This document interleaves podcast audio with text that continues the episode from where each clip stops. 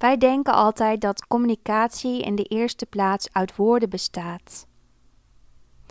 Maar misschien ken je de uitdrukking: praatjes vullen geen gaatjes.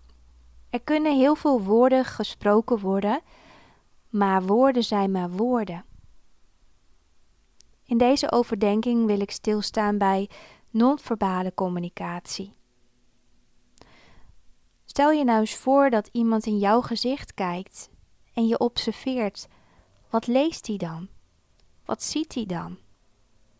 Want wat er gebeurt in non-verbale communicatie is heel wezenlijk. Ik moet denken aan het Nieuwe Testament, waar een verhaal wordt verteld dat een blinde man bij Jezus wordt gebracht, met het verzoek om hem aan te mogen raken. De vrienden van deze blinde vertrouwen erop dat de aanraking van Jezus hem kan genezen. Jezus, wat doet hij op dat moment? Spreekt hij woorden? Nee, hij neemt de blinde bij de hand. Dan leidt hij hem naar buiten, weg van de drukte.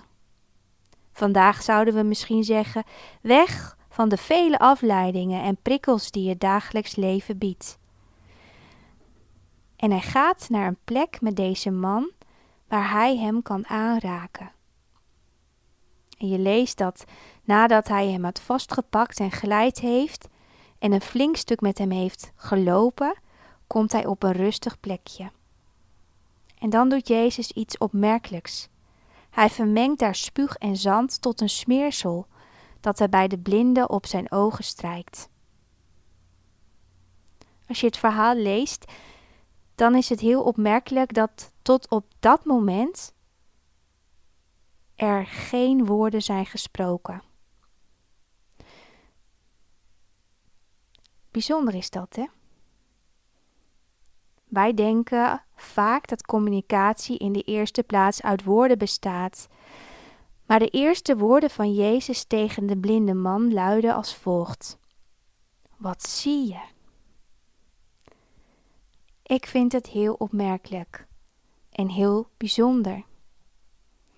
Hij spreekt dus pas op het moment dat de genezing al begonnen is. Broers, zussen, woorden zijn maar woorden. Woorden zijn maar woorden.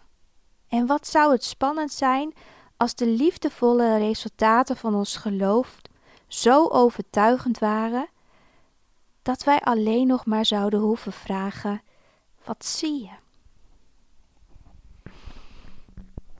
Wil je dat eens laten indalen in je hart? Misschien moeten we wat minder praten. Misschien moeten we elkaar wat minder beloven. Misschien moeten we alleen de ander eens meenemen aan de hand en zwijgen. En pas op het moment dat er iets gebeurt, dat we dan aan de ander vragen: Wat zie je?